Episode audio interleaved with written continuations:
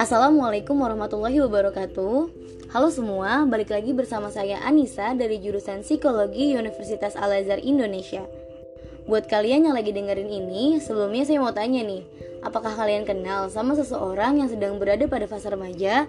Atau apakah itu dengan kalian sendiri? Oke, kalau gitu saya punya pertanyaan Terkadang kalian ngerasa nggak sih banyak banget melodrama yang terjadi di waktu remaja? Bisa dibilang pada fase remaja mulai ada ketertarikan kepada lawan jenis. Oleh karena itu, kita tentu pernah ngerasain namanya patah hati, dihianati, diselingkuhi, dan lain sebagainya. Pada fase ini, pertemanan kita juga kadang diuji terkait kesetiaan dan loyalitasnya. Atau bahkan dari segi pendidikan pun ikut serta, nilai yang naik turun padahal kita mau masuk SMA favorit atau universitas favorit. Nah, banyak banget kan tekanan dari sana sini, bahkan dari orang tua kita, dari teman-teman kita, dari guru-guru kita, sehingga kadang kita stres atau mengalami depresi dengan cara menunjukkan kesedihan yang terus-menerus dan kehilangan minat pada aktivitas yang dulunya menyenangkan, jadi merasa sedih dan adanya perasaan putus asa. Kalau kalian pernah kayak gitu, yuk kita kenalan sama di MDD. Yap, kepanjangannya adalah Disruptive Mood Dysregulation Disorder apa sih di MDD itu?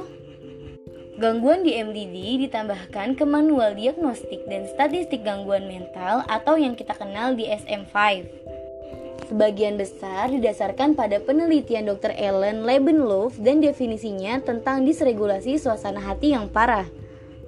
Mood baseline yang abnormal, gejala hiperarousal, dan peningkatan reaktivitas diisolasi dari PBD yang mana pertama kali disebut dengan istilah disregulasi suasana hati parah atau SMD. Oke oke tenang-tenang, jangan bingung dulu.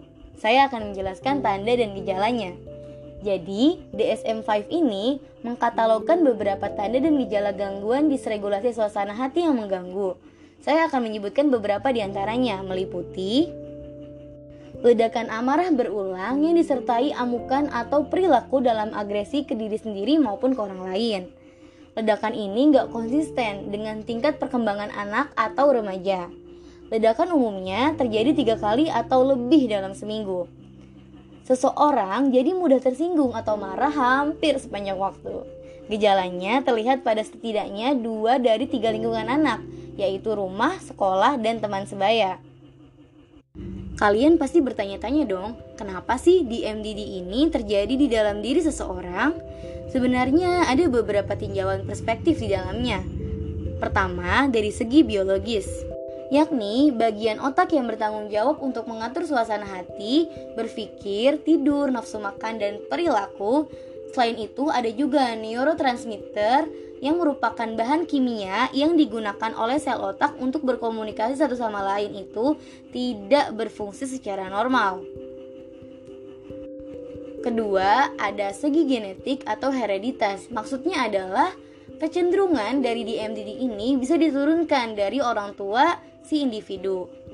Ketiga, ada segi lingkungan.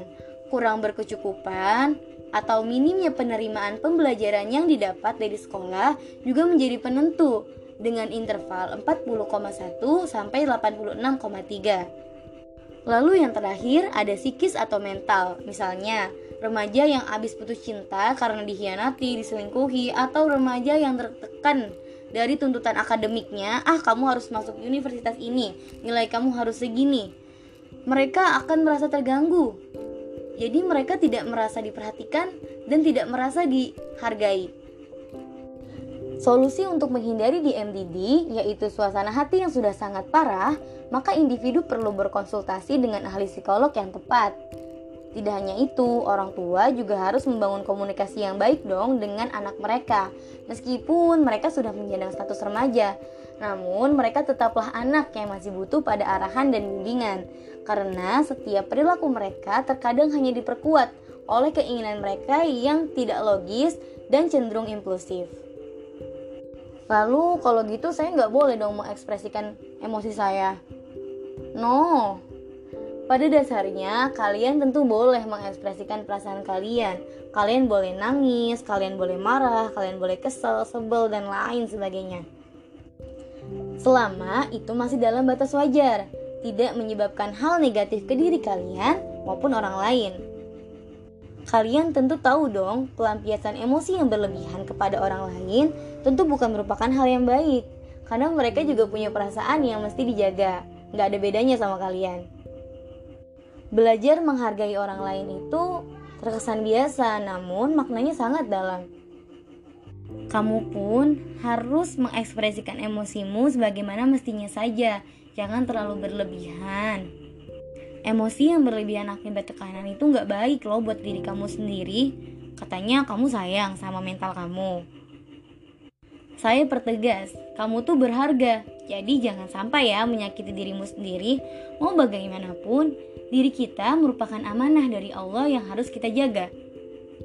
Betul kan? Ada penulis yang saya suka, beliau bernama Alfi Syahrin. Saya akan mengutip kata-kata beliau di record ini.